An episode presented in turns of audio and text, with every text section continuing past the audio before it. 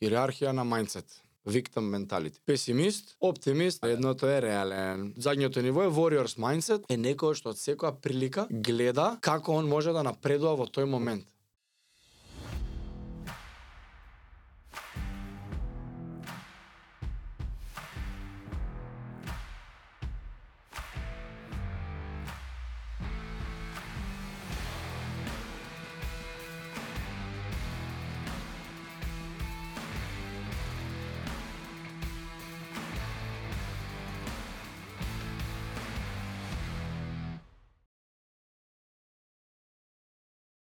Е па кај си бе жаре на пета епизода? Пет. Пета епизода, многу интересна тема имаш за денес. Јас знам пред вас. Ќе ја преведуваме или? Mindset.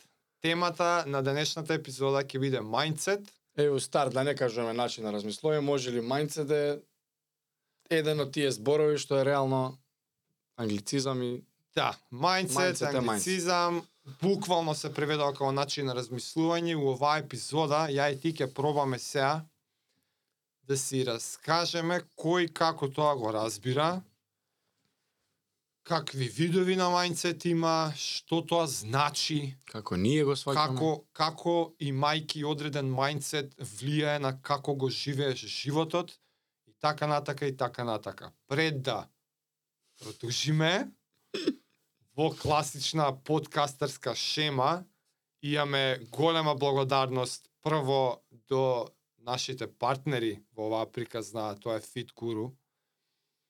Како што може и веќе знаете, а за тие што не знаете, байкерот и кросфитерот, јас сум байкерот, Жара е кросфитерот.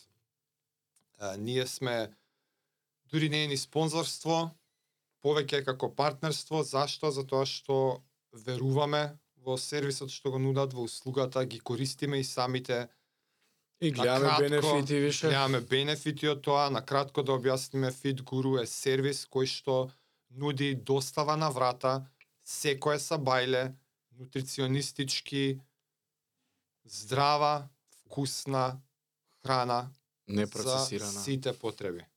Непроцесирана. Ке си видите во линкот, во описот, за што станува збор. Огромно фала до Fit Guru и нивната подршка за нашава подкастерска авантура. Големо фала и до едни други пријатели на подкастот, CrossFit Скопје. Како ви беше слоганот? Вежбај правилно, не вежбај напорно. Forging Elite Fitness. Е, Forging, Forging Тоа е на. CrossFit. Ова е нивно и да ви кажам кебенце. Ше преубавко. Малце е поубав од Nike Duxer. Ја ми ги донесе жаре, стварно мерак. И јас сум презадоволен.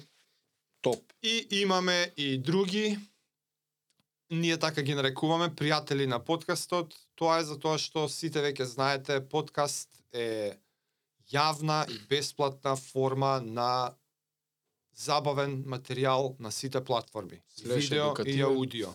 Слеш ние се трудиме да биде и помалце едукативен. За да биде бесплатен, се наоѓаат поединци, правни, физички, секакви, што нас ни подпомагаат во било каква форма и ние сите тие ги викаме пријатели на подкастот. Најголеми пријатели се гледачите. Сите Секогаш. вие што не гледате и не мора одма, погледајте не малце, ако ви се свиѓа, лайк и subscribe. Поддржете ги нив, зашто ќе не А поддржите другите нас. пријатели, чат пат ќе се појават на видеото, ги има секојаш во опис на видеото и ќе пробаме да сме ажурни во ставање линкови и описи на кој начин тие ни помагаат и до сите вас фала ви. Е сега Само да не забораваме, искористете го кодот BNC10 Е, да. за 10% попуст на сите нарачки преку FitGuru. Сега идеме со темата на денот. фала ви на трпение. Почнува епизода за mindset. Старт во типови. Ајде, дај ти малци интро. Хиерархија на мајндсет. Што значи тоа? Левел 1, најнизок левел, дури понизок од песимист. Victim mentality.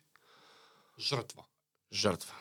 Ова значи дека свети е тебе нешто криво, светот има conspiracy да те против тебе некоја цело време што е да се случи, ете баш мене, заврна ете ја кога требаше да излезам, најбанални работи од луѓе кои се жалат горе-доле, од све и свешто.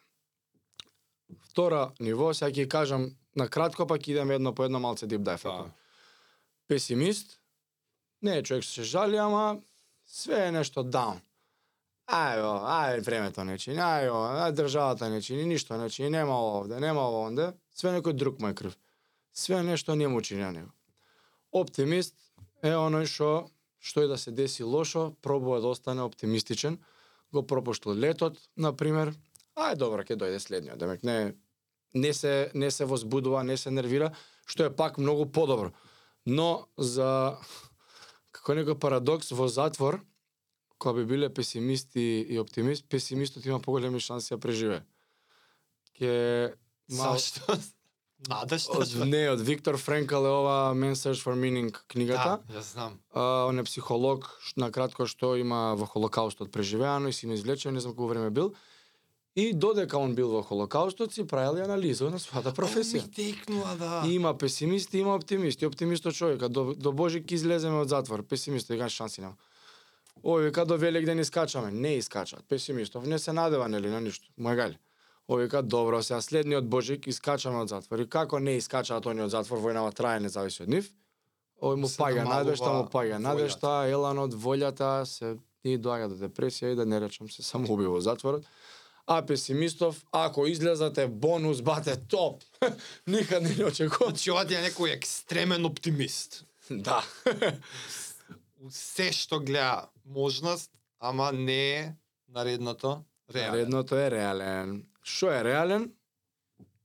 Како нема лошо, нема добро, thinking makes it so. Твоето размислување за светот го прави тоа да е лошо, да е добро.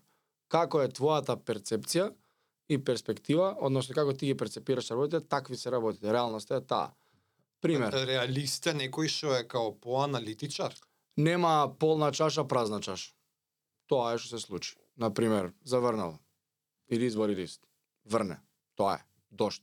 Се дешава. Тој е реалист. Тој е реален. добро. Не се жали, не кенка, а, не е оптимистичен. Леле, сега ќе заврши да ќе преврне за 10 минути и ќе излезам надвор, ќе биде све подобро, него е реален. Ако врне, врне, ќе земе чадор, на крајот на денот или извори лист. Тоа е. Ги прифаќа работите такви какви што се, не ги суди едноставно. Ги остава да бидат. Добро. Д- на на, на најголемото прашање дали живееме во во лош или во добар свет. А, како беше? Hostile or good territory. Да, Како е да. твојата околина? Каква што ти ќе си ја направиш? Единствено, тоа е на крајот на денот. Ако ти кенкаш и ти е цело време све лошо, ќе ти биде лошо. И Јасно. онаа сликичка што врти на Инстаграм два живота више, у автобус што седат и едниот гледа у планините и е тужен, другиот гледа надвор, од другава А. страна има сонце и е пресреќен. И у стилу your perspective is all, демек у Да, животот. да. Е, тоа е тоа. Каква е твојата перспектива? Сега реалистов е реален, ако заврнало, врне. Ке си го прифати како такво и ќе си продолжи со денот. No harm, no foul, тоа е. И задниот, задниото ниво е warriors mindset, тоа е човек или више на, се кон тоа би сакале сите да се стремиме, е некој што од секоја прилика гледа како он може да напредува во тој момент. Што се вика не не вика леле не дај Боже да се деси ова, него до тој момент е што вика дај Боже да се деси лошо, да видам што ќе извлечам јас од ова, како што ќе научам од ова. М, Како следниот страгл ќе ме направи мене подобар да бидам. Како ќе ме Јас. надгради како личност. Заврнало, супер. Идам да трчам. Warriors. Идам Point. да трчам, да, на дождот. Зашто, зашо да не? Потешко е. Јасно. Заврнало снег, уште е потешко. Ќе направам нешто таму. На Гогинс теоријата она вика три сабајле, главата ми е, спијам надвор заврнало, леле колку е ладно и сам себе вика, ладно е, а искача трчаш. Како некој да го буди. Кој ненормален е тој Е, гој. тоа е што вика он I tap into the darkness, он Да, дека да, ја да. учи е, темнината на мозокот. Оние моменти кога ти е најтешко, најтешко, најтешко. Е, е тука е тоа кај што треба да тапнеш и од тука се учи и тука се излекуваат најголемите полуки. Мислиш дека Гогин се у тој warrior mindset? Треба Гогинс mindset да Треба, измислат. треба Нов, друг. Он е нешто трето, И он, седмо. он ужива Beyond. веќе у, у, Да. у тие екстремни... Е па тие се тие луѓе уствари што екстремата онака. Тоа ти е Џон смојам Мекинро кога Бјон Борг сака да се пензионира, он е втор, Бјо- Борг е прв и он автоматски станува прв. Ама не сака така да стане. Еј, за, го знам. не ми оди, сакам тебе да те победам. Да, Најдобар да, кога да, си. Да, да. Не еве го сега ово, ја прв си автоматски. Колку луѓе би рекли, и топ. да, да, Лаба, да. прв на свет, пари, спонзори, ово, она автоматски по автоматизам. Не, не си оди, сакам тебе да те победам за да докажам дека сум најдобар. Ги сакаат луѓето на на на најјакиот ден, не се молат да се да се некако да им се деси повреда ситно да се шмугнат. Не него сега докажат најмногу према самите себе си, они не се докажуваат на никој тие луѓе. Да. Имаат проблем со себе поиш. Се докаже на сам себе дека може едноставно. Не сигурно не е реално, не знам, ама у Троја филмов со една сцена се објасни дека кога Ахил и, и Хектор ќе се борат, кој ќе му дое, не знам, си го гледал Троја. Ја илјада пати сум гледал, затоа го знам на Да, памет. ти го знаеш на па ја и да сум 20 го изгледал. секунди е само анегдотава. Се борат, го вика и Ахил малце победува све посилен Елија полубог. И Хектор се сопнува од камчи и паѓа. И се овој може тука да искористи да го убие. И му вика stand up Prince of Troy, I don't want a rock getting my glory away. И текнува, стани од почеток. Ајде пак. Само ради каменчево Да, не ќе да ми однесе славата. Ќе кажат се сопна на каменот и Ахил така победи. Да, не, да, станувај му. Ги предвидува тие работи пред време. Разбираш, она е до тој степен што не. На најдобриот ден сакам да те Да, предизвикам да. и да те победам. За да си докажам сам себе дека сум најдобар или дека добро тоа што го правам. Дали мислиш дека луѓе го поистоветуваат ова со како карактер? Како таков човеков За има да. таков карактер. Еј, тој таков е. Тој таков е, јас сум таков, тоа не се менја. За И жал. да. дали, и дали уствари и до негде се преклопува мајндсет и карактер, начинот на размислување, па да изгледа, до негде се преклопува каков карактер е човекот, во голем дел зависи и од начинот на кој што размислува и гледа на светот. Мислам дека мајндсетот го оформува карактер. Го гради карактер. Да. Го подобрува. аха, едново е поосновно од друго. Не, него едноставно начинот на размислување, мислите што ги имаш ти се претвораат во во actions, во акција како да го Так, кажам. е, е. Тие се ствараат во навики, Начинот на навиките те ствараат тебе. ти ги вози акциите. Еве многу банален пример. Што ги Не правиш? се јаде благо, ќе јадам благо. Денес. Утре ми се јаде благо, ќе јадам благо. Пет години покасно си 125 кила. Па јас сум таков дебел. Фамилија кај мене сите се со вишок килограм. Така, значи се поистоветува терминот. Апсолутно. Мислам дека тоа го гради, го, тоа е првиот чекор кон крајниот продукт, што се вика карактер, да речем. Да, од типа што е карактер? Најчестите акции што ги превземаш, типот на акции што ги превземаш во Од навики. во во, во истите околности, оти што е интересно со овие пет пет беа што ги направија. Да. Пет типови, пет категории на мајндсет е што истата ситуација Да, бе, можеме петте да ја различни луѓе да. различно ја гледаат. Да. И сега размислувајќи ја прво како да преведам мајндсет и си викам и сакав и да тебе ти објаснам како ја го разбирам тој концепт е и ова е пластична ептен пластична компарација е како да си ставиш наочари и ставиш боја на леките. И се ако ставам ја розеви наочари, ќе мислам дека се е розево у светот. Ако ставам зелени, ќе мислам дека се е зелено. Иако исто е надвор, само затоа што бојата на очарите е различна, ја мислам дека е така, го перцепирам различно. Јас дијам зелени, ќе викам зелени, ти со црвени, ќе Да. црвени, ќе се Да, караме на до утре. истата ствар, истата различно гледаме. Различно, и сега, ова е пластично само на гледањето, ама ако ја така го сваќам мајндсет е како наочара за мозокот, за умот, за секој секој сензор што го примаш, низ каков филтер поминува. Се овие се пет пара на очари што ги имаме. Да. Знај, сега има многу нијанси измеѓу не ништо set in stone.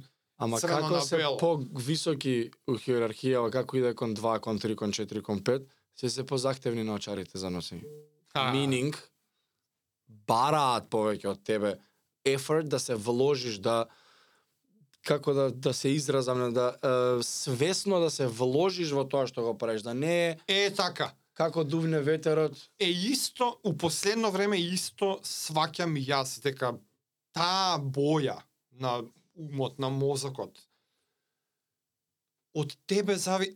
Таа е само колекцијата од тоа што си ти во моментов хормонално, умствено, физички, здравствено, не е тоа фиксно, не си се родил со тоа, не е, не е карактерна особина и крај на приказната готово, тоа ми е карактерот. Јас сум таков и Тоа е само сплет во моментот од се што тебе те сочинува како битие. Ти буквално може да си роден песимист, да речеме, да мислиш дека си роден песимист, затоа што цел живот си песимист, затоа што цел живот исти работи правиш. И ако некој со сила те земе сега и пет дена поред те храни кој што треба и тренираш кој што треба и трчаш и креваш тегови и постигнуваш така мали победи у текот на денот, тебе ќе ти се смени бојата на наочарите. Ќе ти се смени мајца, значи ти не си тоа. Тоа што мислиш дека е твојот карактер и дека си спаѓаш у некоја категорија на мајндсет, не значи ништо освен ти си во тој момент твоето битие е така. Како ти ќе одлучиш? А тоа се знаеш како на на миксета, Да, да. милион фактори има што не опишуваат ш- какви сме во моментот хормони, енергија, по тренинг, физички, мускулот е добар, не има масти, се тоа заедно. Е, ама Си јадел шекер, не си јадел шекер, ако си ги контролираш вака сите, чекај малце поише тренинг, чај малце помалце ова, еј, зеленко. Чекај малце поише шекер, о, гадно црвено. Ај, намали дома, ме мрзи денес. Да, и ја почнувам да сваќам тоа и се Да, да. надевам у денешна епизода од Моабетов една од пораките ќе биде тоа дека овие ствари се менуваат и се комплетно во наша контрола. Комплетно. Една од ретките работи. Мајндсетот е во наша Да. контрола. После ќе збориме за работи што не Што се во од наша контрола. да. Ама мајндсетот, начинот на размислување е во наша контрола. И затоа е дел од еден од тие пет фактори за здравје што ги зовеме, што е во наша контрола. Ама најбитна ствар која е? Луѓето бар да се свесни кај се. За, зашто е битна свеста Е, тука? така. Те што тој fine tuning може да е оф еден ден, ама ти нема да се изнавикаш сега на све живот тука и да отераш у курац. Или си отишол не си јаден еден оброк, не си истренирал денту, собра е свирнал некој ти пресекал пат и ти да му се навикаш тука му си знаеваш. Е, тука е свесноста.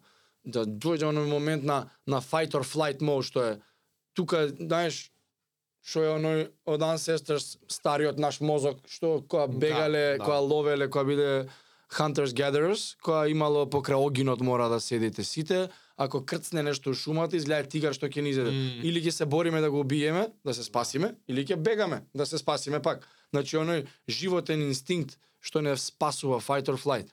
Е сега у модерно општество, Е, фала му на Господ, Тоа е нема скроз тоа. водено од хормони. Скроз. Ама тие ни се нас останати од милиони така. милиони години на нас. Истиве хормони да и човек. денес постојат. Да, ама општеството и нашата околина е сосема различно. А, така. Е сега ти замисли пред илјада години од тука до Ѓорче да идеш или од тука до Кисела вода е подалеку, небитно, 10 километри, пешки да тренеш, колку ги ти треба? А сега си со кола, за 10-15 минути си, и пак не ти чини, и пак брзаш, и пак каснеш, ама тоа она чипчето од тогаш има Да. останато. Е сега не е лав, не е тигар. Порано, од тука до кисела вода треба мислиш ако крцне е лав, Ете а денес Нема е, пат, а асфалт. денес е некој те пресекол на улица. Ете така. Истиот тригер е. Или уште побанално е, паднал интернетот. И клипот не ти се лоуда на YouTube и ти збеснуваш тука. Имаше ти текнува пред 6-7-8 месеци кога нешто дроп на Инстаграм едно пола ден немаше. Не види. Паника луѓе. Како сега Инстаграм паднал крај на светот? Добро бе паднал Инстаграм, голема работа. Нема да скролаш. Си се спасил, ме разбираш? Е такви ситници што ни се останати од порано, мораме да се да сме свесни од кај доаѓаат овие работи, зошто го правиме тоа што го правиме и зошто ни се случува тоа што ни се случува у глава и зошто јас во овој момент се осеќам вака кога еве некој ми свирнал и сега ти нервоза ти иди, се сега ти треба свесно пак Виктор Френкел како беше она измеѓу моментот на твојата реакција Да, да. постои еден момент измеѓу кој ќе се деси нешто и моментот пред да изреагираш има еден миг. Да. Тука ја носиш одлуката. Да. Е тој миг може да е 5 секунди, може да е дел од секунда, може да е дел од стотинка, зависно дали ти реагираш реактивно, М. тоа е онај одма. Да, да, да, да, да, Импулс. fight or flight или проактивно или тоа е уствари а, како беше reaction и response. Да. Reaction е одма ја да ти изреагирам инстинктивно, а response е со Контролиран. свесно зошто се изнервирав се. Ми засвири. Аха, денес не сум јаде. Немам вежбано. Не е уред. Се Голема работа. во mindfulness, Тоа ли е? Тоа е- ова е е mindfulness. mindfulness. Свесноста уствари. свесноста. Ете така. Mindful све е ова awareness. дел. Све е тоа. Зошто си не јадев, не вежбав? Аха, добро. Треба ли да се голема работа, стотинка. Ако за 5 години од сега нема ништо да ти значи во животот, не му дај 5 секунди денес. Многу е просто.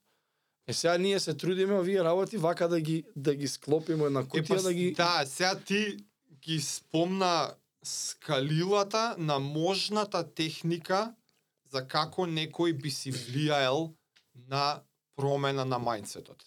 Прв чекоре, идентификувај се кај си. Прв чекоре, свесноста. од, од можните идентификација. начини на Детектирај го размислување. проблемот, детектирај Да. кој левел си. Биди искрен со Ама биди себе. искрен, тоа е најважно. Глеј, ако си, ако си среќен, ако си задоволен, ова не важи за тебе. Ова е за Фала. луѓе кои што осеќаат дека нешто не е окей со нив, сакаат да променат, ама не знаат што. Прв чекоре може би е до твојот мајндсет. И што е убавото е што, како што рековме, тоа не е фиксна работа. Идентификувај се прво, биди искрен со себе, како најчесто гледаш на случките во животот. И ти ги наброја кои се. Еве една случка ни Жртва си- сите пет ќе ја помине. Жртва ли си, пластично. оптимист ли, што? Значи, прво идентификувај го, после знај дека тоа е во твоја контрола. Моментот со Виктор Франкл е, случката е тригерот. Случката е информацијата од, од надвор, влегува, влегува во тебе. Во моментот кога влегува, тие како си кажат, животински инстинкти се палат автоматски, ама постои моментот пред да се запалат инстинктите, кога со свесноста можеме да изанализираме, чекај, оваа случка ме направи да се осетам нервозно. Зошто? Зошто? Најбитното прашање. Зошто? Толку, тоа е доволно. Нема нема ли да продолжиме? О, само овој момент ако луѓе успеат да го уловат, го направиле вториот чекор. Сори. И после mindfulness. Ми влезе нешто. Продолжи дале. Дај ги примените. Ништо без кажете се ќе го сечеме еден ништо. Не бе. И ми влезе нешто. Не бе, ти ќе даеше исти пример у пет. А, како вакво. Еден пример у пет различни Да. ситуации. Еве, рецимо, не знам што ти се дешава. Uh, петок навечер шефот од работа ти праќа задача некоја да направиш. 5 за 12. Слушај, еј, ај хитно ќе биде за утре и венче Те имаме некое бла бла бла. Да, ма сите луѓе најчесто тригер им се работа. Што не го прават тоа што го Да. сакаат у живот. Или се обраќај. За жал, или собраќе, да. Што ќе направиш? Ете, јас, тоа. Ете, мораше мене ми се деси ова, како така? Јас требаше да искачам сеа, све против мене, значи што не го дае на другиот, на другата, мораше мене, гарант на другите не им дале ништо работа, еве само јас ќе работам петок, о, на, Ова е жртвата. жртвата. Песимистот е Песимистот ствари е многу јак што си ја прифатил судбината дека с ништо не учини. Да, фак, Мене ми е да. малце смешено. Он, ете, нормално дека мене ќе ми се деси, не ни очекував подобро дека Да. стандард, договорен јас со другари 20 години се немаме видено, 2 месеца, и се 5 за 12. Нормално дека тоа мене ќе ми се деси стално некој срањ. Оптимистот вика, па добро, ајде, ќе Ајде ќе изработиме за доброто на фирмата, идеме сите напред, ништо страшно, ово, они се бодри сам себе, што е коректно. Реалистот е си го прифаќа какво што е. Ало, момци, излезе работа 5 за 12. Слично на песимист. Реалист. Ама Реалист не, не, не, не, само не реагира реалистот. Да, реалистот Не, не вика, реагира. еј, лошо е, еј, само мене, него Да, вика, реалистот не им реагира. пишува момци или со која се договорил, не е важно, ситуацијава се со другарите. Е, дадоа работа вечер, не доаѓам, тоа е тоа. Се гледаме бла бла, нареден кој да е. А војнот ќе Зима и си е сревото. Војното е тоа е тоа. Bring it on. Да. Дај дупло. Дај да видам зашто мене ми ја даваш работа. Најдобар сум на работа, у мене е потенцијалот, знаеш. Се буста, се хајпа, сака, ајде да видиме што ќе требаше да излезам, ми се искача. Не сум се видел 100 години. Ама ова е побитно главата, ама дај да видиме Да. како ќе ме направат подобар следната фаза од мојот живот или утре и така. И се зашто е ова битно? Таа жртвата, заради оваа банална случка, ќе продолжи да живее во таа мизерија и агонија да мисли дека светот е против него и ќе си се акумулира тоа и ќе влијае на расположение, ќе влијае после на нагони, ќе почне да јаде, ќе почне да бара оправданија во лоши одлуки. Гледаш како И набра така ланчани, Затоа, ама зашто е волку важна оваа епизода? Затоа што како преска што кажа, то, тоа почетно начин на размислување е цела реакција после на цел акции домино ефект. што ти ќе ги правиш и ќе ти влијаат на твојот живот. А што е животот освен ситните случки во секојдневието? Животот не е едната авантура на секој пет години. Да. Животот е секојдневните моменти во секој ден. И сега на најбаналните случаи, ако ти секогаш си жртва, И си реактивен. тогаш и твојот живот ќе биде таков. Истиот човек, песимист, на истата случка, што па што би било па негов Ја има резултатот тоа, на он крајот. прифаќа песимистот Не, веруе дека ќе- него може убаво да му се деси. Ете, пак мене. тој начин е да, тој начин на размислување ќе го невозможи од идентификување на прилики кога ќе се Да. створат. Кога песимистот секогаш мисли дека па лошата верзија на настаните мене ми се случува Да, баш лошата верзија. и во се гледа лоша верзија, кога ќе има добра, нема да види дека е добра, а таа добра верзија можно е да е прилика кон нешто подобро. Значи тоа е резултатот од песимистичкиот мајндсет. И пак ете зошто е важно, затоа што така никогаш нема да види добра прилика. Да, ги носи тие очите. За оптимистот преска кажа ти пример. Тој па окей, во се гледа убава прилика, релативно е среќен, ама може да се изгори. Може. Затоа што и во лошо нешто ќе види е и ова закон и оп колата преку мост. Тоа е па друга крајност. Многу подобра од првиве две, да не се сватиме Да. погрешно. Да. Ама и тоа не е она ди ултимет, него пак е некој middle ground level тука.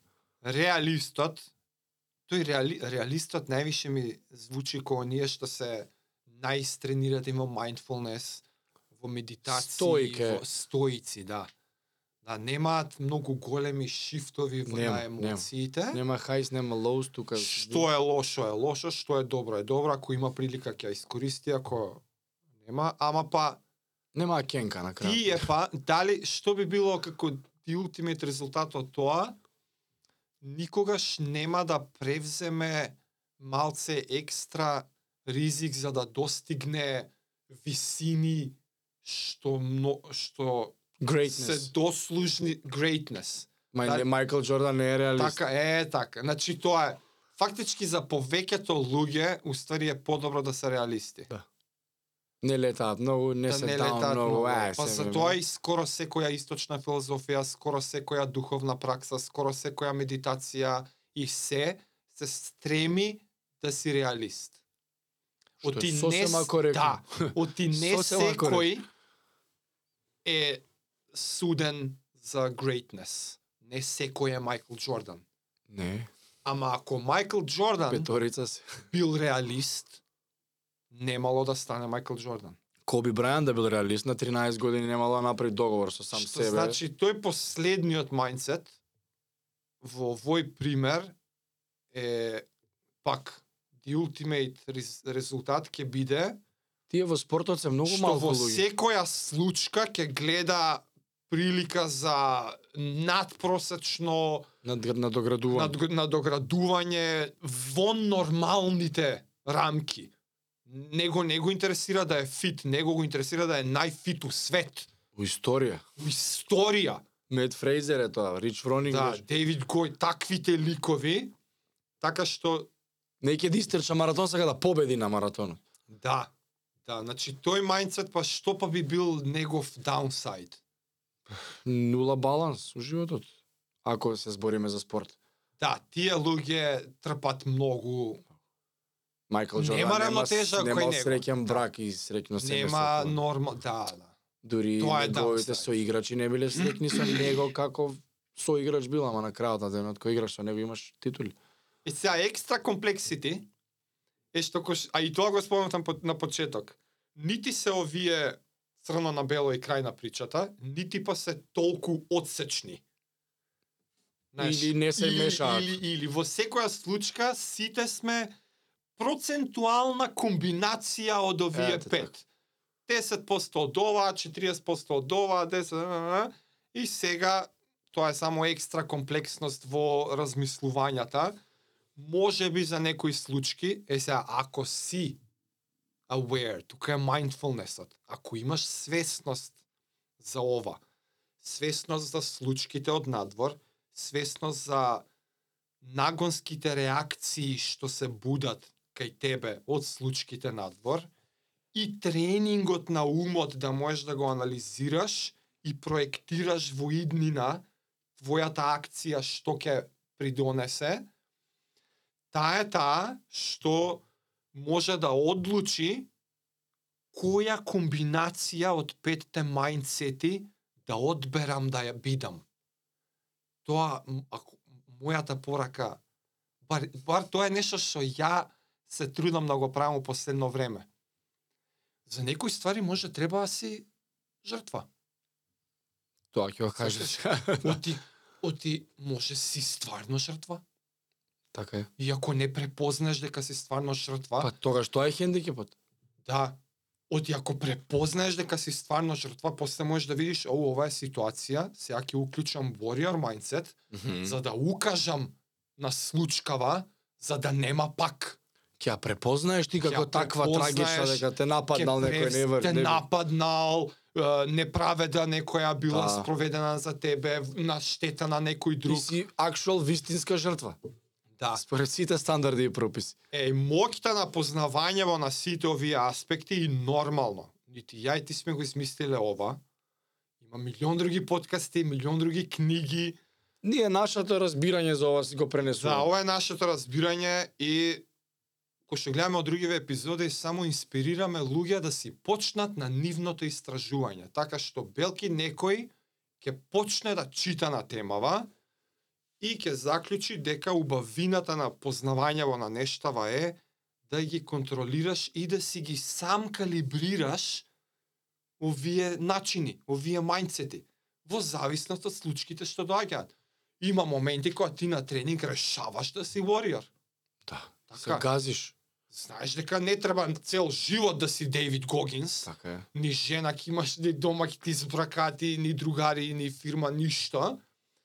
Ама оваа вежба, овој сет, решавам, тоа е тоа. Ме боли коленото, зашто да бидам вориор во тој момент? Да. Ги дам малце поадаптиран тренинг. Значи, што кажа ти сега, з- целата поента на, на битието, на постоењето на овој подкаст е тоа, од сега од моја позадина ќе дојдам, кога јас се такмичев кросфит 2015 година и 2016. 2014-2016 нај, најактивно. А, тука тој период, такмичарскиот дел беше многу во рана фаза. Од 2012 или 11 е Рибок. Јас 14 сум почнал, тоа е многу рано, Добро. тоа е три сезони со Рибок, кога почнува да се комерцијализира кросфитов, уште А не го дава во во такмичарскиот дел, во компетишн делот уште некои смешни бројки се сега тоа што биле 2007 рецимо. 2011 веќе се поелит. 2015 се Unreal 2023 више може да замислиш. ос- Е сега кога сум бил тука некој тој меѓу период 2014 15 16 кога зимал многу јак подем и замав, почетоците на Мек Фрейзер, ерата на Рич Фронинг тука. А, јас барав и истражував и копав знаење на интернет да добијам како да го направам тоа за да бидам подобар во тоа. Затоа што реално во тој момент во Америка беа сите такмичари топ догс, главните батиња. Мгм.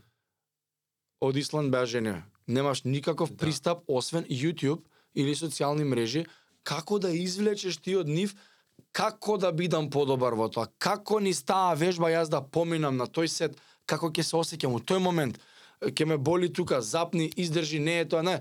Тие некои ситници, тој пат нивни да ми го објасни некој, тоа го барав.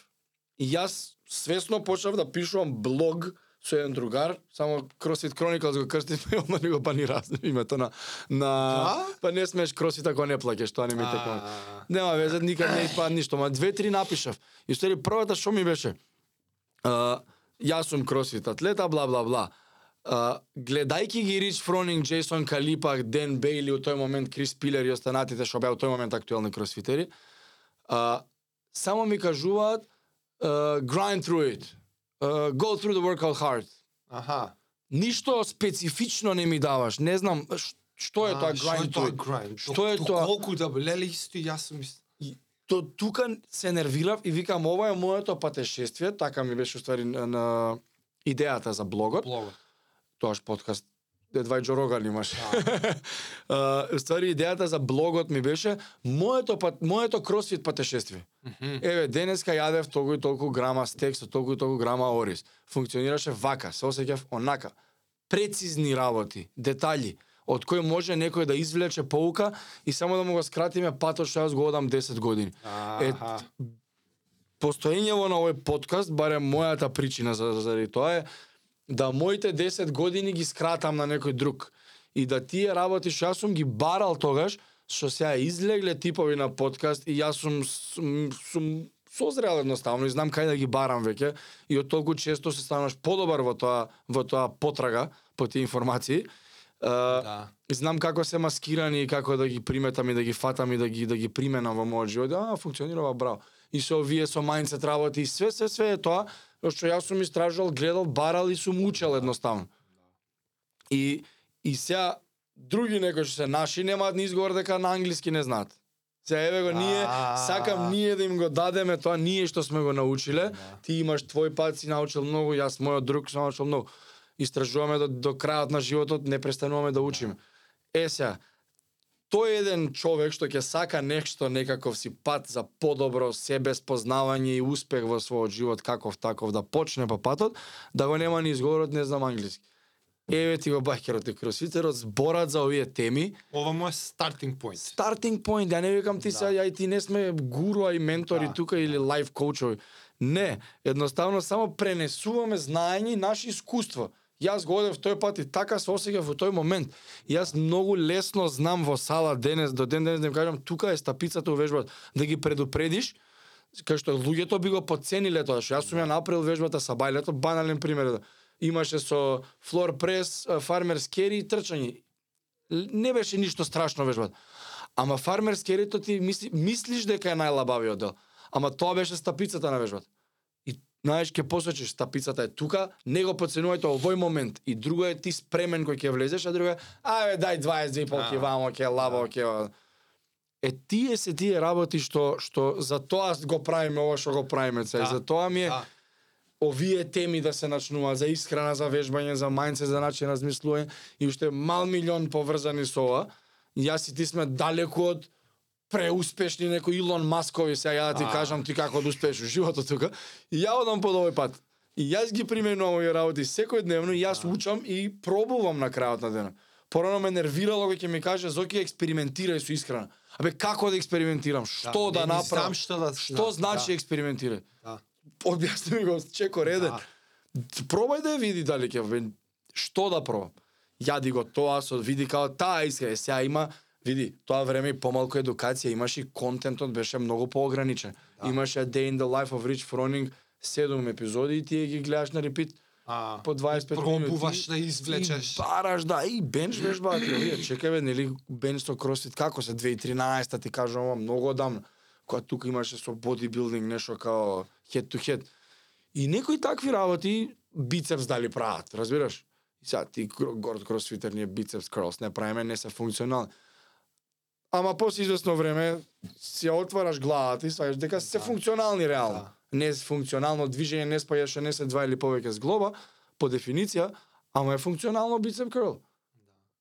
И тоа е една еволуција што сум ја поминала с 10 години и што не сум ни блиску дека негде сум стигнал, него еве одам по патот и Не беше шортскас. Да помогна да помогнеме на на, на Е, некој тоа е да да нашиот пат, нашето страдање у 50 минути да го спакувам. Се фаќаш ли некако следново? Оти те слушам сега и ме, и, и ме подсети и многу точна, правилна ствар кажа. Јас се фаќам често у следнава стапица. Затоа што јас сум поминал низ некои работи и некои знаења веќе станале толку очигледни што за мене се тривијални, мислам дека секој ги знае Исто. За искрено, например. исхрана, тренинзи, зони, конси, а, некои Ај, тренинзи толку навлезено, не.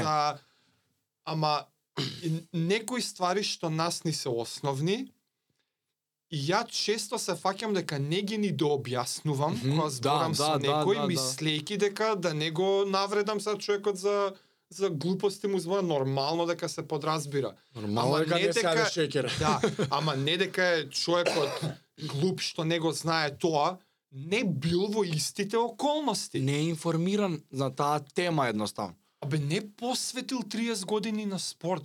Сваќаш, Точно не мора, не треба Да луѓето бе, 30 да бе, да. живот на спорт да посветат. Ама ако си посветил една година, тука сега тоа што го кажа е од голема помош. Ја од 30 години спорт за мајнцет знам на 28-та. Да. Да. Сваќаш? И сега, често морам да се подсетам да не влагам у истата стапица и затоа убаво што кажа што е поентава на подкастот, дека може слуша некој што ова му е прв пат. Апсолутно. Почнал, се заинтересирал, сака да живее здраво, како живее здраво, спи, јади, тренингче, тука, а, мајнцет, че, зашто влијае мајнцет за тоа? Да, да не чека за 10 години, ова може бар ке о, како си ка тригер, ке го пецне, by the way, додека... Пушти. Додека гледаш на YouTube за што да правиш тренинг наредна недела, спремаш маратон, чепни и за мајндсет да видиш да не случајно паѓаш у некоја категорија, па заедно со тренингот да си поработиш и на мајндсетот. Што ќе ти ги отклучи сите други контекст, работи. значи и ти паѓаш истата стапе. Мислиш време. дека сите знаат све. Сите знаат тоа што ти знаеш. Не све, ама сите знаат дека не треба да еш шекер. Јас тоа мене ми е тоа како може да не знаеш. Знаеш, 21 век е више Кока-кола има zero sugar, сите идат zero sugar, значи станува модерно, нели условно кажано, да анти ова, анти шекер, анти тие работи да идеш по здрава исхрана и ти уште не знаеш. Модерно е дури во општеството. Да. Ама едноставно не знаат. Како бе да не јадам благо, па ако ми падне шекерот? It doesn't work that way. Стварно. Нема да ти падне шекерот. Како да ослабам? Како бе како како како може да не знаеш како да ослабиш? Ете, така и се и ние да се Уч, вратиме па да не фаќаме нови теми. Да. Може некоја друга де Ние сме биле да левел биде тоа. 1 у темава и може нас ни се исчуџавал некој. И јас многу работи сега сваќам Зоки што ми изборел пред 8 години, пред 7 години. Стварно? Што може би јас во тој момент не сум го разбирал што ми кажува. Денес точно знам што и ми се враќаат овакви. Да, да. да. И јас советот пред 7 години го прифаќам денеска, ме сваќаш? Тоа ми Да, се случува. некои ствари си треба да си Правиш, у точното време Па овој Зоки го кажуваше бе. на времето. Ама мене може би мозокот не би бил дооформен или до 25 ти се оформува целосно мозокот.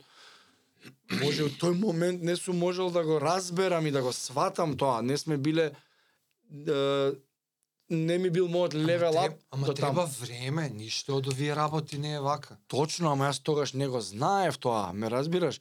Затоа го правиме ова за да да ја тргнеме завесата. Време треба. Да, време треба и никош не е касно. Овие работи што ги збориме не ги научи вчера, него задниве пет години што слушам подкасти и се интересирам за вакви работи, што имал шанса да слушам подкасти додека правам додека чистам, додека раздигувам машина за садови. Банална работа ти кажам, глупост. Додека идеш до продавница, изгубени 15 минути напред и назад. Е, тогаш многу повеќе со поголем интензитет го впивав на знаењето, затоа што многу повеќе Дека го било празно. Да, не, ама и го, го слушам многу повеќе ради слушалки. А, порано било различно. еден iPad, дома дури се А, искористи го 45 минути 50 као за анимација. Да, да, да. Е сега више иде левел ап све. Сите теми. И А, да. од тој аспект е многу многу важно да се свати дека треба време. Јас денеска приметувам работи пред 5 години што сум научил дека конечно би можел, не можам, би можел да имплементирам и ако нешто ме тригерне, да се изнервирам и после 5 секунди, 10 секунди ми текне, еј, застани, врати се. Зашто се изнервира се? Да. Многу е тешко во моментот, зашто нервоза е нервоза. Ама чекај, ти правиш mindfulness. Медитација не. Што ти е mindfulness медитација само? Оваа техника сега што ја кажа Да, е да, една да. од mindfulness техники. се обидувам свесно. Кој ќе ми изнервири, кој ќе ми дојде нагона нервоза. Ама имаш читано за mindfulness и како се прави техниката? Па ја Не, само прз за праш се прашање. Зошто сум се нервозен? Од кај ова? Значи ти немаш редовна mindfulness Не. пракса. Е, кој е редовно секојдневни глупости што се дешаваат да пробам да се Да. види срањето животот ќе дојде. Ката. Нема еден човек што се родил, никој не му умрел до крајот на животот, немал несреќни случаи, повреди негови на негови најблиски, оставања, враќања, зимања, ова она од секој аспект. Добил кец, паднал се, удрил, некој му се десило близок нешто. ова. Значи нема човек да не ти се десило срање у животот. Ќе дојде катат, нема бегање. Нема бегање. Едноставно тоа е фиксно И биди спремен за кој ќе дојде, да не си ла, ај да си терет на сите, не дај Боже ќе умре утре некој. и ти до ова си дојде онака од од искуство од Од слушање, Од- од слушање и пробување на примена. Слушам подкасти неколку што ги разглабаат јасно, овие теми детално. Зошто се случува, која е хемиската реакција, зошто, кои хормони се Е, активираат. тие ствари, значи учени ти се ги мислев Ја ги викам слушани, добро, ајде да, учи. да, да, не- Зашто не, пробува, тоа, не да, е со сам примената на, на тоа што си го Е, слушнал, така. според мене тоа е учењето, е, тогаш си го е. научил, кога Да. можеш да го предадеш, Да. нели? И затоа сакам да да имам подкаст нашиов, е за кој ќе ги збориме работиве, и ја учам да пак си ги повториш. да си ги повторам да, и да, јас се да. доедуцирувам тука. Да. Е тоа е она битно.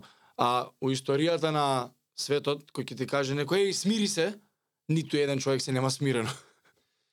Calm Как, down. затоа што како ти прескакува кажа, ама што е тоа, што точно? Сакаш, не знам кој си слушал The Rich Morning Grind Through, ама што значи grind? Е, тоа ти пишав пред некој. Ти така го објасни кај Јосиф кога беше на Wellcast. А, во да, твојата- што, што ми спореше? Е, никогаш у животот сум барал многу, верувај ми, сум барал. Не сум слушнал некој темницата да објасни така, темницата, ја викам црната дупка. Аха. The Pain Cave. Пак тие изрази, гледаш. Ама што е тоа?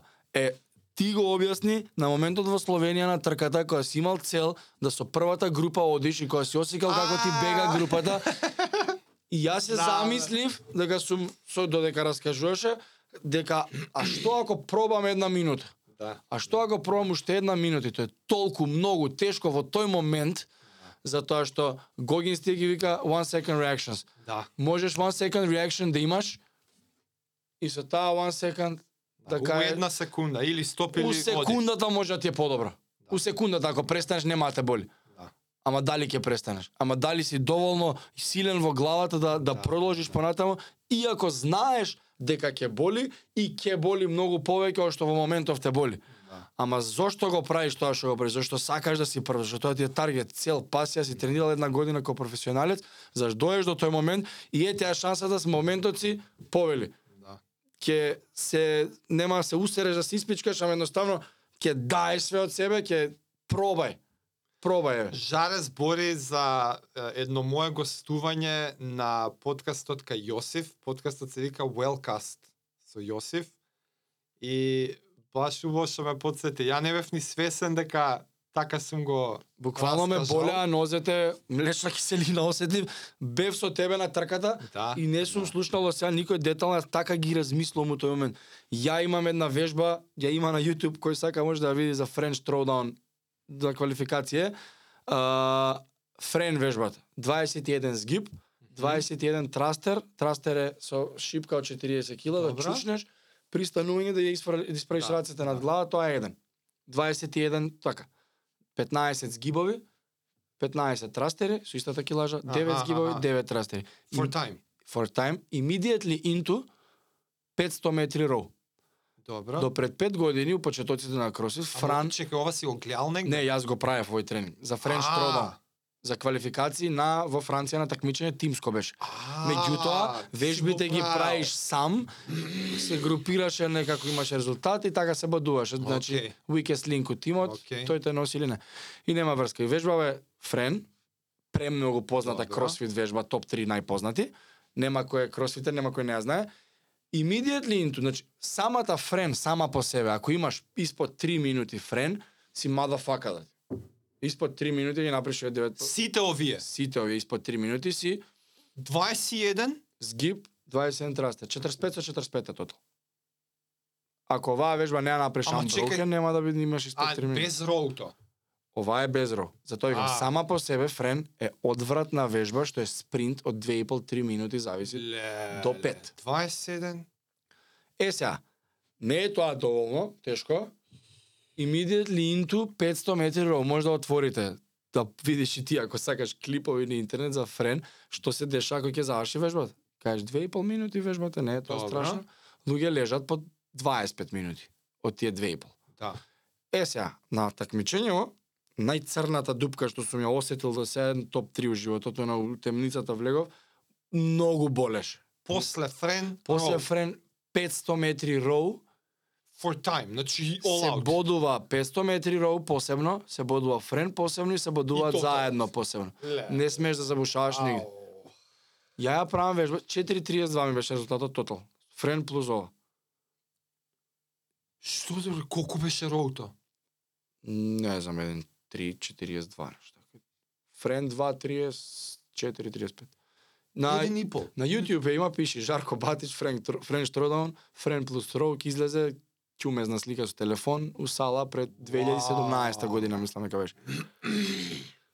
Не, а, уште 80 метри имав на роверот и позади мене ми вика, ајде жаре, уште 80 метри само имаш. Ја не можам еднаш да повлечам. Еднаш не можам да повлечам. У тој момент толку многу ми е тешко, френ, замисли си ја гнаса, завршува, правиш 9 сгиба, ги пушташ, идеш одма, почнаш а, 9 трастера затвараш. Да. Идеш после тоа, а, седнуваш на роверот и почнуваш all out. Влечеш. И самиот ровер има темпомат. Ако 1.46 пишува за 1.46 ќе излезеш Да, да, 500 да, тоа метри. ти е ритамот, пейсот. Темпоматот е спрема 500 метри. А, завршуваш деветиот сгиб, со сгибови завршуваш, уште една корекција. Завршуваш со деветиот сгиб и одма, значи ти транзицијата ти влегува во времето. Да. Седнуваш, тие нозете ги местиш, да, да, фаќаш, да, да. тој не ти е развеслан, само смее некоја ти го пушти од нули све да си. И ти само треба да седнеш и да почнеш да веслаш. И завршува тоа. 4.32 беше моето време. Лежев доле на земја. Како заврши, има моментот како паѓам и тука завршува, завршува клипот. Клипот. Да, и го спративме таму. И имаше комент на овие please rate our workouts и викам фала ви многу што најтешка да во историјата на животот ми е дав. Uh, еден саат не може да се созам. Лежев 5 минути. Не можев да зборам. Па ти гиде, соврши ми па ти. Нема ни, ниту една позиција не ти е комфорна. Лежиш, да, не ти е добро. Стануваш, ти се врти ќе падне. Се тркалам целиот да умреш е многу полесно тој момент. Не знам Да. како толку е гнасно и темно. Ти кажеш го зошто го правиш тоа? Затоа што само преку тие тешки моменти сега ми се го туркаш зидот на толеранција, на, на тешко. Се, Што е потешко од френи 4 500 метри ров, Да. човеч. Ја од тука тргнав нагоре, движев бос, не можев да стојам. По скалите 20 качев у сала, како дов на последната скала, тогаш Нено беше тренер, беше со мене. Се вака не можев ќе паднев, Уј. само ме фати вака. Што правиш дали си нормален? Викам не можам да гледам, дечко. Искачам вака и носи ме надвор. На скалите пред сала седнав. Викам само се облечи ми маицата вака ги кренав рацете. Нема ништо не може. Ми ја соблака маицата. Викам трни се. Идам таму. 10 минути повраќав. Кафе и цеден сок што сум пиел пред вежбата да ме бустало, да ме кенери. 10 минути повраќав. 10 минути, не претел. Знаеш колку многу е 10 минути? Да се да седим и да кјутиме 10 минути, знаеш колку е многу тоа. Повраќав 10 минути, крај немаше агонијата. Ле. После тоа е два и некако седнав и у тој момент couldn't care less дали сум исповратен. Дали нешто има на мене, дали гол сум горе без патики надвор. Ми е гајле, не, не може едно, едино нешто сега да се соземам, да се вратам у живот. Маицата викам само легни позади мене, не можеш да збориш. Ми ја легна и ја тука пред сала на скалите вака легнав на земја, на маицата, ја кренав едната нога на Надвор на паркингчето? Надвор на паркинчето. На Гелендер едната нога и другата од скала да вака пушти. Единствената комотна позиција момент. 45 минути лежав така, ни телефон, ни курац, ни никој ми зборат, само викам џај ми збориш. Дојди за еден саат. Сега мора circle back да ми направиш да причава мајндсетот. Го. Мајндсетот е дека бев у тим со двајца, две животни од Србија, Џорџе Драгин, он дига милиарда кила, премногу силен, и Урош Смилјанич, исто елит за тоа, у тоа време беше елитен кросфитер, сега не знам, не се такмичат ни двајцата, ама у тоа време е Драгин снагата, компарација мала за да сватите. А, CrossFit Total кој има на CrossFit Games, он го прави истиот дома и го постира 55-60 кила, има поише од најдобриот на CrossFit Games, 40 најспремни луѓе на планетата што. Зашо не е таму? Затоа што да не навлагаме Добро. чистината на неговите оваква. А. Нема везе. Пак е 55 кила премногу човеч. Многу силен е сега, му фала, другиот не е мобилен. Реално, нема мобилност добра. Добро, и тој ти беше у екипата? Тој ми беше екипата, ја имав најдобро време од сите. И Урош беше со нас. Они ја направија, ја направив. Ма што има врска ова со мајндсет? Uh, има врска зашто бев у тим со животни не можев да си дозволам у ниту една стотинка, у ниту една секунда момент да да она да лед од гаста да тргнам Да нова. попуштиш. Немаше шанси, што знаев дека они ќе загрели, не смеев да се избрукам да се елице прифатиле со мене да одат они на у Франција, у Париз на такмичење. Иако не се квалификувавме, ама нема врска, пак бевме близко, некој 50 има беа, ние 80 од 700-800 пријавени, тоа е многу сериозно такмичење. Френч Тродовне, мислам дека од наредна година, не сум сигурен, не ме фаќате за збор, дека има билет за CrossFit Games ако победиш на CrossFit Games. На на Френч Тродовне. Јасно. Така беше, мислам дека додека ги даваат тие sanctional event. Океј. Не знам за година, секоја година малце различно се превод. Али сакам да кажам многу елитен, е, многу оној најдобриот французи Да, што е, да, да. е, топ 10 е на планетата, топ 7 на Games, на CrossFit Games. Он се такмичи таму и победува некогаш е втор. Ова си е негово митче. Да, али се, ние на тој левел на такмичење бевме 80 50 одеа понатака на ивентот да Јас. се такмичи. И се не можев да ги разочарам и овакво и, и нагазив до смрт, all out, all out, толку многу болка, не знам како е дојдов. Ти веслаш ти и не можеш више, не можам, не можам.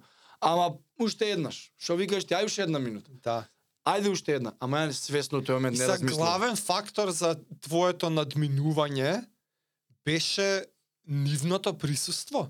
Не беа присутни они физички. Да не ги разочарам не, не, нив, знаеш, да не го разочарам, мојот тим беше едно од нив, а Так. втората, не знам како, не знам зашто, имам можност да трпам многу голе, имам висока толеранција на физичка болка. Да, си ја преминал ти одамна. Дали е со тренингов што сум ги туркал границите, не знам, ама и на моето прво такмичење имаше една вежба, сега да не навлагам у детали пак, али само ја направив unbroken, ма тоа ме болеше мене уште вториот сет не можев. Не знам како, не знам, не знам да ти го објаснам, не знам да ти го кажам патот. Е тоа е што го. Ст- Вистински не знам како. Зашто прво такмичење ми било, не никад немам искуство. Ама дали КН или што го викаат, не знам, нема едноставно у темницата имам способност да не да живеам, ама да ја посетам. да поседам некое време таму. И да те мотивира кога си таму. Знам кога ќе боли, колку ќе боли, во кој момент. Дали сум willing у моментот да отидам на тоа темно место. Дали си у тој момент у тој warrior mindset? Дали е тоа Да. пример на warrior mindset? Дека Секако. дури и во нај најтешкото, најболното. темните, болни... Знаеш зашто е, извини ќе те прекинаме, поише вориор тоа што можеш ти да го завршиш во секој момент. Ти ти ја контролираш, го контролираш крајот. Да. Можеш да кажеш не сакам, не можам. Успори малце. Не е здраво. Ќе се ќе се вратиш во Тоа е реалистот. уште една точка што сакав да ја спомнеме. Silence the critic у главата. Сите имаме едно гласче што збори. Тоа ја, гласче, Ја, ја изведувам преведувач тука. тоа гласче у главата. Стиши си го критичарот во тебе. Да. Закјути го. Да, и никогаш не преговарај со себе ако нешто си одлучил дека ќе направиш. Ако си решил дека утре Преговараш со критичарот? со себе, еве со критичарот себе. да го наречеме. Ако си решил утре уште сабаља ќе станеш, ќе трчаш во 6 и пол, а иако е колку какви да биде времето. No excuses. А на тоа мислиш не преговарај со себе. Не преговарај со самата себе решил? кога си донел одлука. Аха.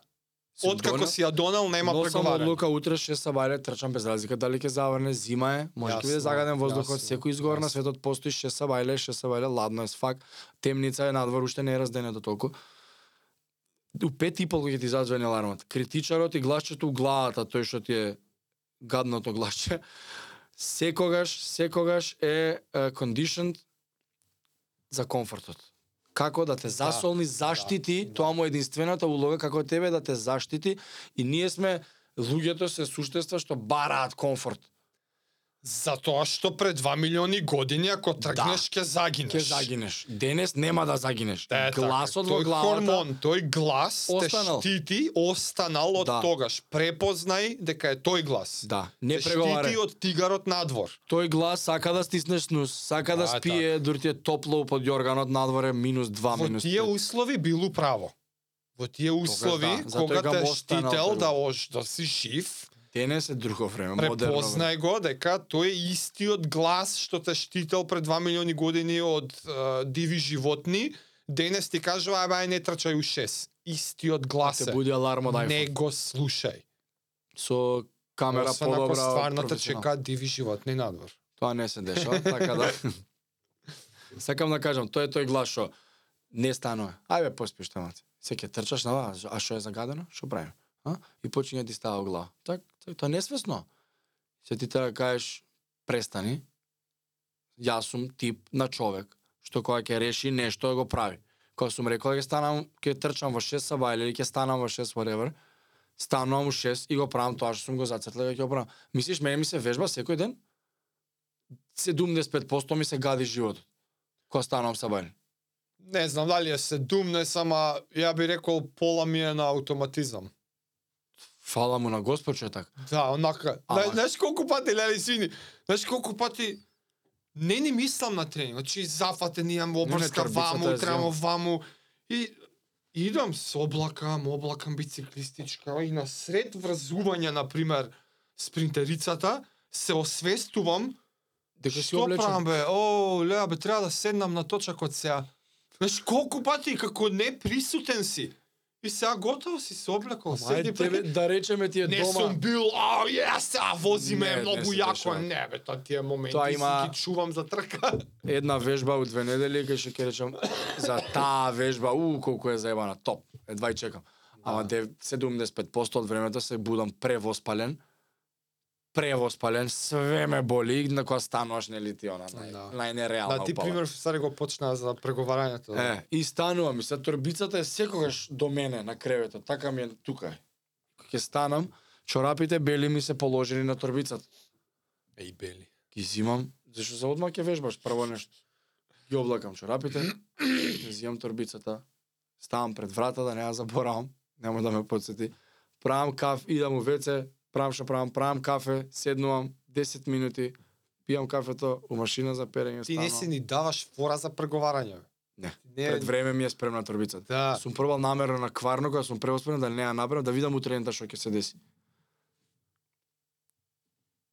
И секогаш е она станувањето Јас сум тип на човек што од понеделник до петок вежбај, крај. Да. Non-negotiable. No excuses. Ако не е болест или повред. Крај. Кул, кул. И заклучок порака? Учете секој ден, применувајте ги работите што ги учите секој ден, бидете свесни од тоа што го правите, да не биде на аутопилот и так механички. Начинот на размислување е во ваша контрола и влијае Директно 100%. директно на работите што ги правите и како ги правите и како ги доживувате и е во ваша контрола затоа што тоа е животот. Тука може да завршиме. Тука може да завршиме. Е, чекај, овие се продаваат више? Да ги рекламирам? Не, приордер не. по сала. Не. Уште не. Уште не. Само приордер. Па значи да. Не, не, не, кај нас у Приордер? салата, ама за надворешниот свет нема. Добро бе, надворешни... Чекај, само за Кај нас, членови. да, членовите знаат, нема врска с... Не може некој од надвор само да си дојде кај тебе, Па- многу ми се свиѓа. Прво да ги даеме на членовите, па ако има интерес, ќе направиме Добро, нарачки. сите членови. Ти ги нарача ли виш? Ехе, Ако некој фали, еве како изгледа бело, ќе ги видат у сала, не се кире. преубавко. Ама на сите ќе им даш да пробаат. Нема да им да. Е, па ја го пробав. Многу е убав. Фала Жаре, фала и за оваа пета епизода. Фала ти. Пета тебе. беше бе не Пет, пет, пет, не, не, добар си. Пета е едукативна. As always, scratching the surface, само ја боцкаме, ставаме темички во етерот со надеж дека ќе инспирираме некој да продолжи да го продлабочува знаењето во темиве што ние ги чепкаме. Еј, ја знаеш дека заборавивме да одговараме прашања? Мора се уште пет минути. Ајде. Имаме прашања на некој од видеата. Имавме вака.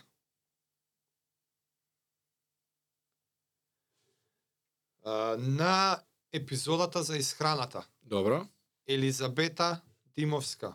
Прво, фала ти многу што си гледала и што си пишала. Баш е интересно да имаме ваква интеракција со гледачите. А, таа бара совети би било кул да чуеме мислење за исхрана кога се жени во прашање. Добро. Што е многу интересно сега, затоа што ако бидам искрен, не знам за тебе, јас не сум експерт за специфичностите на исхраната кога станува збор за жени, ама знам дека мора да има некаква разлика. Само заради циклусите низ кои што поминуваат женските хормони и како тие влијаат на нивото на перформанс, што може да го има или не. Во овој момент можам само да посочам на подкастот на Ендрю Хюберман. Има подкаст и ќе Да. напишам некаде. Huberman Lab. Само што излезе епизода завчера или вчера со докторка специјалистка на ова прашање А, браво ете ти. за женски хормони, исхрана, тренинг, фитнес, лайфстайл, сите можни фактори што влијаат на општото well-being за ова. Така што Елизабета, извини што не можеме поише да одговориме на ова. Ама ти знаеш поише на темава?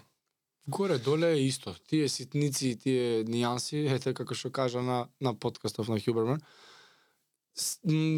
Мајка ми ме прашуваше еднаш, ка вика, бе, јас вика ради години бе, малце ми се успорен метаболизмот. Не викам, него јадеш сладолед секој ден пред да си легнеш. Не ти е успорен метаболизмот.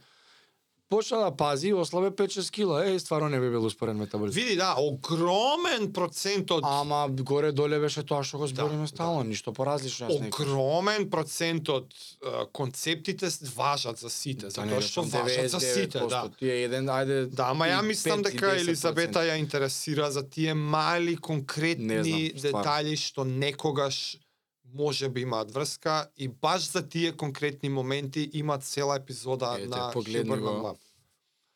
А, и имаше по-конкретна за а, во однос на Guru. Ајде. Значи, ова и до Фитгуру имате позитив фидбек. А, конкретни прашања. Дали има совети во однос на тоа што сакаш да го постигнеш, со кое мени најмногу би ти одговарало? А, ова го прашува Анастасија, фала и до тебе на прашањето. Ние ги спомнавме, Fit Guru нуди кето мени, протеинско мени, веганско и ро- rotation. И мислам една од нутриционистка дека им е направено, не знам како Да. се вика. Кај нив на вебсайт. да Јас провери. конкретно на ова прашање не би се оптеретувал многу, затоа што Погледни епизодата лесно и чисто. да, чисто и лесно. За прво затоа што не знаеме што сакаш да постигнеш. Да, нема конкретна Да. цел. Што сакаш да постигнеш, што кое мени најмногу ти одговара. Тие работи за што сакаш да постигнеш зависат од се од многу други работи. Некои се поповолни ако си на кето, некои се поповолни на протеинска. Ако сакаш да ослабеш, можеш сакаш да ослабеш, можеш сакаш да кренеш килажа. Така што Ако сакаш има, да ослабеш, има врска, ама што да избереш нема да зависи. сгрешиш. Да. Одговорот е зависи. Е сега конкретно за понудата на Фитгуру. Дали можеш да земеш два оброци и да додадеш пример овоше или зеленчук на тоа како уж- ужинки доколку имаш потреба? Секако, секако. Апсолутно. Секако. Јас го правам тоа. Да. Тоа е пакетот што ја и Жаре го користиме. Ние користиме пакет што носи два оброци дневно Протеинско и на нашиот активен лайфстайл ја морам да допунам. Јас сум на нозе цел ден. Да. Не седам јас на работа. И, и баш убаво што и самата веќе Да, да, знаеш, прекоректно. а, овоше и зеленчук е многу Топ, добра, топ, топ. дополна слободно. Дали може да си пробаш две-три менија по една недела доколку се двоумиш за да одлучиш што најмногу ти одговара? Апсолутно. Кај мену сала го прави еден дечко тоа. Нарачки може да се прават на неделно ниво или на месечно ниво. Слободно, една недела одбери си едно мени, наредна недела одбери си друго и реши Човекот си. проба протеинско една недела, оваа недела, со два оброка, оваа недела, три оброка, Не мора ни, кето не мора да одбереш, менјај си нон-стоп. Не, не, не, да, да, да. Да. Така што да, тоа е можно. Опција, да. А, алкохол во исхрана. Нормално дека е непрепорачливо, веќе само си го знаеш одговорот. Но како за чит дей, така и за ова луѓе прават прекршоци кога пијат и потоа баталуваат се, така што убаво би било да се начне што, кога и колку е дозволено. Ја ова би сакал само да го надоврзам на прашањето на конзистентност. А ова го зборевме во епизодата за исхрана. Секоја цел што сакате да ја постигнете, се постигнува само со конзистентност. Ако една пијачка во неделата ти помага психички да можеш да си конзистентен со правилните одлуки од остатокот на неделата, со месеци за секогаш, Години. окей, таа една пијачка у неделата нема да ти наштети. Нема ни едно начукување да ти наштети. Значи, пра, одговорот на ова прашање мене би ми бил размислувај во контекст дали ти помага за тоа што го правиш да го правиш конзистентно на неодредено време. За секогаш. Значи, ако си одбрала да се храниш здраво и за да продолжиш да се храниш здраво 6 дена од неделата, 6 години, и за тоа ти треба една пијачка у неделата, окей. Имам другар што го прави тоа 30 години уназад. Окей. 30 години вежба, 20 години секоја сабота или петок излезен. Ако не можеш да се натераш здраво Ама да човекот има тело. 6 години, 6 дена у неделата, само за тоа што ти фали пијачката, пивни Поголем и проблем. продужи. Пивни и продужи. Да, немој да Тоа би бил мојот одговор. Значи, Да гледај низ контекст на конзистентност. Ако ти помага, окей, ако не, не. Целта е биди конзистентен во целта што саш да постигнеш. толку се прашање. Толку се прашање. Тоа е тоа. Уште еднаш на сите. Поздрав дечки, се гледаме наредна епизода. Чао. Чао.